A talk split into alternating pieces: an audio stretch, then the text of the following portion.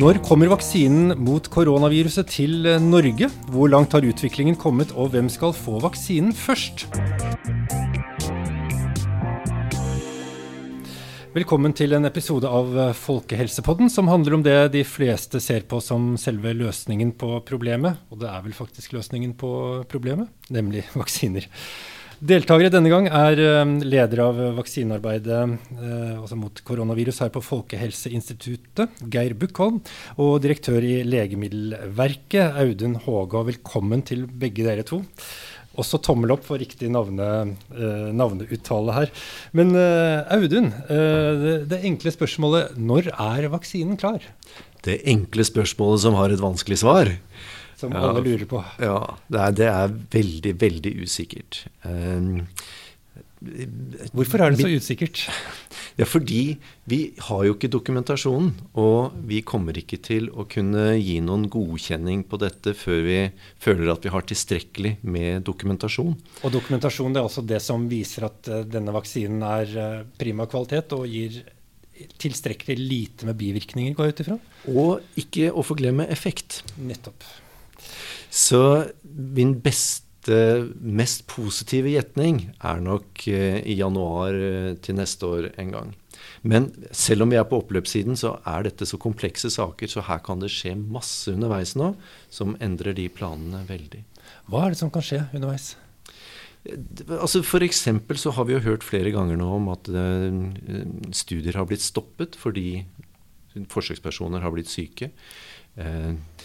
De fleste starter jo i gang igjen. Men uh, altså, f.eks. så kan det rett og slett bli at dette ikke funker. Og, eh, og hvor mange vaksiner er det som er uten, under utvikling nå, egentlig? Totalt sett har jeg ikke det helt store tallet, men uh, det er i hvert fall to som ligger nå i det vi kaller et rolling review, altså til godkjenning i, i det europeiske legemiddelkontoret. Og vi kan jo si eh, litt om hvordan eh, godkjenningen foregår. Mm. For um, det skjer i et europeisk nettverk av legemiddelbyråer. Og så er det det europeiske legemiddelkontoret som liksom er nav i dette. EMA. Mm. Og eh, her er det arbeidsdeling mellom alle sammen. Og så til slutt så sitter det eksperter fra alle land i en komité hos EMA og gjør de endelige vurderingene. Er dette godt nok? Og så, hvis de mener det, så gir de sin anbefaling til Europakommisjonen, som så utsteder en godkjenning, en markedsføringstillatelse. Og Da gjelder den hele Europa, så vi i de andre landene vi har da bare noen dager på oss til å godkjenne dette i de forskjellige landene. Og Hva er Legemiddelverkets rolle i disse prosessene? Og nasjonalt her i Norge? Vi deltar i dette arbeidet med arbeidsdeling. Eh, under en godkjenning så er det to land som har en spesiell oppgave. Det ene er en såkalt rapportør. De gjør en utredning og er hovedansvarlig. Og så utnevnes det også en co-rapportør som gjør det samme. Eh, og når man så kommer til denne komitébeslutningen, så legges disse to uavhengige utredningene fram som et beslutningsgrunnlag i, i denne komiteen. Mm. Blir, og Det mange er opptatt av, er jo bivirkninger. og det, Der driver også Legemiddelverket en overvåkning av dette når vaksinen forhåpentligvis endelig er kommet uh, og tatt i bruk i Norge. Det stemmer. Og det gjør vi i godt samarbeid med dere på Folkehelseinstituttet. For det er jo superviktig å følge med hva skjer når vaksinen tas i bruk. Vi kommer jo til å vite en hel del om hva vi kan forvente oss ved godkjenningstidspunktet. Men så er det om å gjøre å sjekke ut hva skjer i virkeligheten. For i de kliniske studiene så er det som regel ganske ordnede forhold. Men når man så starter å bre dette ut til hele befolkningen, så er det alle typer pasienter med forskjellige bakenforliggende sykdommer, forskjellig legemiddelbruk osv. Så, videre. så det er veldig viktig å følge med. Mm. Geir, hva tror du? da? Når uh, tror du den første vaksinen kommer i uh, januar, eller uh, Har du noen uh... Nei, Jeg tror ikke jeg skal legge til så veldig mye mer utover det som er blitt sagt fra Legemiddelverket nå. Men uh, jeg håper jo at vi får en vaksine i løpet av 2021, og håper jo absolutt at den kommer på våren 2021. Men uh, mm. vi er jo avhengig av å få en godkjenning før vi kan begynne å tenke på hvordan vi skal bruke vaksinen. Og nå kikker du bort på Audun her for den godkjenningen, ja. Så, mm. ja. Men, ja og, og, Folkehelseinstituttet sin rolle når det gjelder disse vaksinene, kan du kort beskrive den? Ja, Vår rolle er jo altså etter at uh, vaksinen er godkjent, så er vår rolle å komme med en anbefaling om bruken. Altså hvordan vi skal bruke denne vaksinen. Og i dette tilfellet her også, vi må regne med at vi får færre vaksinedoser enn det det kanskje er behov for, så er det å sette opp en, uh, et forslag eller en anbefaling til prioriteringsrekkefølge. Så det er jo ikke vi som beslutter dette, dette er jo regjeringen som beslutter. Men, uh, men det er, det er vår, vår oppgave å komme med disse anbefalingene. Og det er jo litt interessant, fordi der, det reiser jo en del etiske problemstillinger med hvem skal prioriteres, hvem skal få vaksinen eh, først. Hva, hva kan du si om de, eh, om de, prioriteringene som må gjøres, og, og hvordan vi skal komme frem til gode anbefalinger til det? Jeg tenker at det er et, eh, et, vanskelig tema. Her på instituttet har vi nå laget et, et program hvor vi ser på de ulike delelementene i hvordan vi forbereder oss på, på, vaksinasjon. En av de tingene vi ser på, er å vurdere etiske grunnleggende prinsipper og verdigrunnlag. Og nå er det jo sånn i Norge at man stort sett eh, begrunner bruk av vaksine at man skal redusere risiko for alvorlig sykdom. Og det er nok eh, naturlig at vi legger til grunn her også. Redusere risiko for død og redusere risiko for, for et komplisert eller et alvorlig forløp av en koronainfeksjon. Og så I neste runde så er det jo å se på å beskytte personer eller grupper som er særlig utsatt for å bli smittet. Og som eventuelt også kan ha en spesiell rolle i samfunnet i forhold til å opprettholde viktige samfunnsfunksjoner, som f.eks. helsepersonell. Hmm. Men kan man f.eks. tenke seg at, uh, at Folkehelseinstituttet anbefaler at uh, eldre over 65 år bør få de første vaksinedosene? Vil, vil det være så konkrete anbefalinger som kommer? Ja, jeg tenker at det blir anbefalinger som er knyttet opp til eh, hvem, mest, eh, hvem har størst risiko for å få et alvorlig forløp. Og det er klart at alder i seg selv er en eh, sånn risikofaktor. Så i tillegg til det så blir det viktig å vurdere andre, altså risiko hos andre personer, uavhengig av alder. Mm. Kan du, Geir og, Audun supplerer uh, veldig gjerne, men kan du, kan du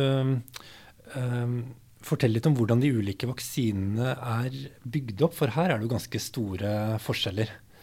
Det er eh, veldig store forskjeller på de ulike vaksinene. Vi har vaksiner som alt fra en ganske tradisjonell vaksinetyper, altså de inaktiverte vaksinene, hvor, hvor viruset er ødelagt eller inaktivert, slik at det ikke kan formere seg i cellene våre. Men som gjør at cellene allikevel uh, finner ut at her er det kommet inn noe mystisk, så her må vi lage et ja, så, så, de kan reagere på, så immunapparatet i kroppen kan reagere på viruset. Men da er det jo sånn at da reagerer man jo på en rekke, rekke forskjellige komponenter på dette viruset, og det blir ikke så målrettet som når man lager, lager vaksiner som er basert på enkeltkomponenter. Så har vi den eh, typen av vaksiner hvor man har klonet en del av eh, koronaviruset inn i et annet virus såkalte vektorvaksiner. Eh, og av de vaksinene som eh, nå ligger til eh, vurdering, så er det først og fremst adenovirus, altså et forkjølelsesvirus, som er brukt. Som da har fått, fått lagt inn noen sånne proteiner proteiner som er typiske for uh, koronaviruset? Stemmer som har fått lagt inn noen proteiner som er typiske for koronaviruset. Og nesten alle vaksineprodusentene så langt har uh, fokusert rundt dette såkalte spike-proteinet. Så det er det som er klonet og lagt inn da i dette adenoviruset. Og så er det også sånn at dette adenoviruset det, er, det, har man gjort noe med, slik at ikke det selv kan replikeres eller formere seg i kroppen vår. Slik at det kommer inn som et relativt uh, Eh, ikke-replikerende virus, men, men allikevel klarer å eksponere immunapparatet for, eh, for Eh, disse vaksineantigenene, som vi kaller det for. Mm. Og dette er eh, den Oxford- og AstraZeneca-vaksinen som det har vært mye snakk om. Og også Sputnik 5 fra Russland, er det ikke det så, Geir? Jo da. Både AstraZeneca fra Oxford og Sputnik 5 og Johnson Johnson-vaksinen er slike adenovirus-vektorvaksiner. Uh, og så har du en tredje type vaksine, som er et veldig moderne vaksineprinsipp. Uh, det er såkalte mRNA-vaksiner. Som er vaksiner hvor man har tatt ut for så vidt en avskrift av det genet som man ønsker å eksponere kroppen for. Og så sender man da dette avskriftet som en messenger inn i kroppens celler når man vaksinerer. Og så er det kroppen selv som blir egentlig selve vaksineprodusenten, og produserer da dette spike-proteinet i kroppen selv. Det er en eh, moderne og veldig spennende form for vaksineteknologi. Den har ennå ikke vært tatt i bruk til, eh, til vaksiner til mennesker. Men den har ganske mange fordeler, spesielt med tanke på at man kan lett skalere opp produksjon og man kan også lett endre på, på vaksinens egenskaper dersom man f.eks. ser mutasjoner eh, som resultat av at viruset forandrer seg på naturlig måte, eller at viruset skulle komme til å forandre seg pga. vaksineringen. Og her har vi Biontech og Pfizer-vaksinen, ikke sant? Og Moderna. Og Moderna. Mm. Si litt også, Geir, om eh, det rent praktiske med disse vaksinene? For de, de, krever ganske spesiell håndtering, er det ikke så? Jo, alle som har jobbet med mRNA på et laboratorium, vet at uh, mRNA er veldig ustabilt. Uh, og det er selvfølgelig en fordel når det kommer inn i kroppen, at det avskrives en gang, og så tilintetgjøres det, slik at den, det avskriftet blir borte. Men når vi skal eh, transportere det fra vaksinefabrikken og til de stedene hvor de skal vaksineres, så må disse vaksinene fraktes med lav temperatur. I utgangspunktet minus 70 grader. Og så kan det selvfølgelig tines litt opp eh, når vi nærmer oss det tidspunktet hvor de skal settes uh, som vaksine til personer. Men, men, det har noen utfordringer knyttet til nettopp det at det må, må, fraktes ved minus 70 grader. Både lagres og fraktes ved minus 70 grader. Så her er det enklere med norsk vinter enn uh, å være rundt ekvator? Ja, det kan du kanskje si, ja. Det kan hende. Så, så vil det nok etter hvert komme annen generasjons vaksiner av disse mRNA-vaksinene også, som, hvor noe av dette er håndtert på en litt annen måte. F.eks. ved at de kommer som frysetørrede mRNA. Men det, det, ligger litt frem i, i, løypa. Vi vet at flere av de vaksineprodusentene som nå lanserer sine mRNA-vaksiner, jobber parallelt med konsepter for både lagring og transport av vaksinene eh, som gjør det veldig mye enklere på sikt. Men de første vaksinene som kommer av mRNA-vaksinene, må vi regne med er vaksiner som vil stille veldig spesielle krav til, til distribusjon og lagring. Det andre med disse vaksinene er jo også at eh, de sprøytene og sprøytespissene som vi må bruke, vi må, vi må sikre oss at de er egnet til å sette mRNA-vaksiner. Noen mRNA-vaksiner blir også inaktivert i vanlige sprøytespisser. slik at det vil også kunne kreve spesielt utstyr. Ja, men hva er det med sprøytespissene som gjør at de kan bli inaktivert da? Nei, Det er jo ulike forhold, og det har noe med uh, egenskaper som gjør at, at uh, mRNA faktisk ikke er stabilt inni sånne, i alle, alle, typer av sprøytespisser. Bl.a. silikon kan virke deaktiverende på, på, på mRNA. Slik at vi må, og det gjør jo det hele, det gjør jo planleggingen ganske komplisert. Fordi at vi må sørge for at vaksinestasjonene ute både har utstyr for å kunne sette mRNA-vaksiner og mer tradisjonelle vaksiner. Det at de skal være så kalde. Det er tørris som må til her, er det ikke så? Jeg har hørt en røverhistorie om at man begynner å bli bekymret for verdens tilgang til tørris. Er det bare røverhistorie, Geir? Ja, Det kan jeg ikke helt svare på, men det er klart at eh, det er flere måter å gjøre dette på. Man kan selvfølgelig ha minus 70 grader elektriske frysere. Det er det ikke mange av rundt omkring. Nei. Slik at uh, den mest naturlige måten å sikre dette på, er jo med tørris. Men eh, vi håper jo at, eh, at, vi får nok tilgang til tørris til å klare å håndtere dette. Du Geir, eh, adjuvans er et ord som dukker opp veldig mange ganger når man snakker om vaksiner. Hva er det, og hva, slags, hva vil det ha med disse vaksinene å gjøre? Ja, Adjuvans er jo stoffer vi tilsetter vaksiner for at man skal stimulere til uh, immunresponsen på vaksinene og få den kraftig nok. Uh, og, uh, man piff, piffer opp viruset? De piff, Nei, piffer opp vaksinen? De piffer opp immunresponsen, ikke selve viruset. Men å sørge for at den blir, blir kraftig nok, slik at man får en beskyttelse så ville beskyttelsen være knyttet til selve vaksineantigenet, men adjuvansen hjelper til med dette. Mm. Og, og, der vil det være litt forskjellig fra vaksiner til vaksiner og, og type vaksiner. Og, og, særlig disse mRNA-vaksinene, der bruker man eh, i liten grad eller ikke adjuvans. De ser ut til å gi en veldig god respons helt selv uten adjuvans. Ja, Trenger ikke oppiffing der. Mens de to andre typene de trenger da adjuvans på en eller annen ja, måte? Ja, men det, det, det, vurderes jo fra den enkelte vaksine til vaksine, men, de, men disse trenger et, et adjuvans i tillegg. Mm. Så er det en vaksinetype vi ikke har snakket om. Og, en fjerde vaksinetype. En fjerde ja. vaksinetype, og det er de såkalte subkomponent-proteinvaksinene, eller peptidvaksinene. Der er det altså tilsvarende dette spike-proteinet som man har klonet opp og får produsert som rekombinant eh, protein, helt rent, og som man renser ut etterpå, og som man bygger vaksinen på. Det er et kjent vaksineprinsipp fra andre vaksiner som brukes hos mennesker. Og det er også en veldig ren måte å fremstille vaksinene på. Men lager du da kun dette spike-proteinet, altså disse eh, dingsene som stikker opp fra viruset? Da ja. lager man kun dette spike-proteinet. Og, og, da er det viktig å produsere det også på en sånn måte at det folder seg på riktig måte. For det har ikke noe annet sted liksom å sette seg fast, sånn som på et virus. Og da er denne foldingen og den foldeprosessen også viktig. Men det er et, et renset spike-protein man da får.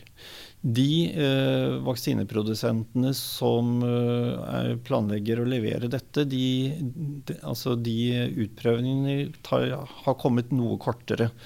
Så der forventer man vel å kanskje få de første søknadene sommeren 2021 eller høsten 2021, tenker vi. Så de ligger ikke først i løypa? De ligger ikke først i løypa. Nei.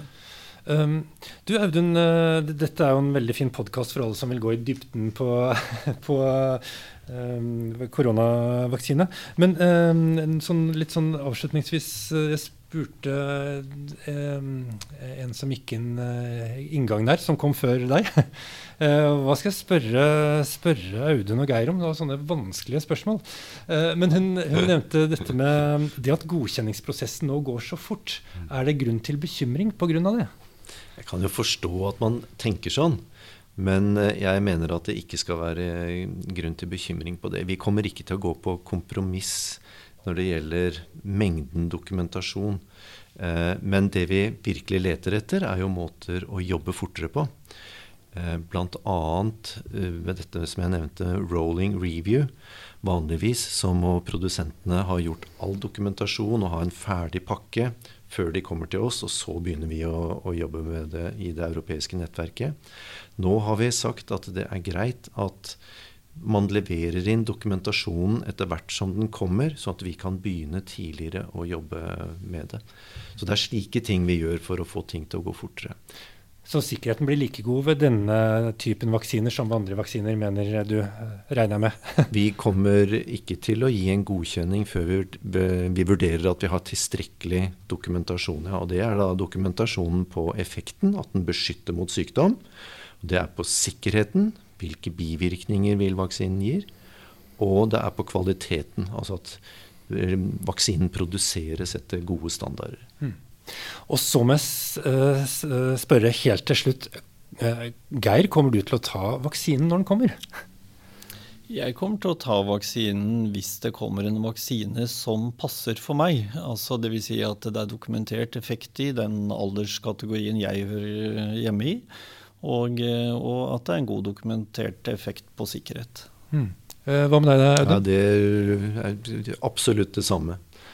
Her kommer jeg til å stole på at eh, vi og våre eksperter gjør en god vurdering av effekt og sikkerhet eh, opp mot det som er faren for å få en alvorlig sykdom, og kanskje i verste fall dø. Mm. Tusen takk for at dere kunne komme til eh, Folkehelsepodden. Geir Bukkholm fra Folkehelseinstituttet, Audun Hågå fra Legemiddelverket og jeg het Kjetil Berg Veire.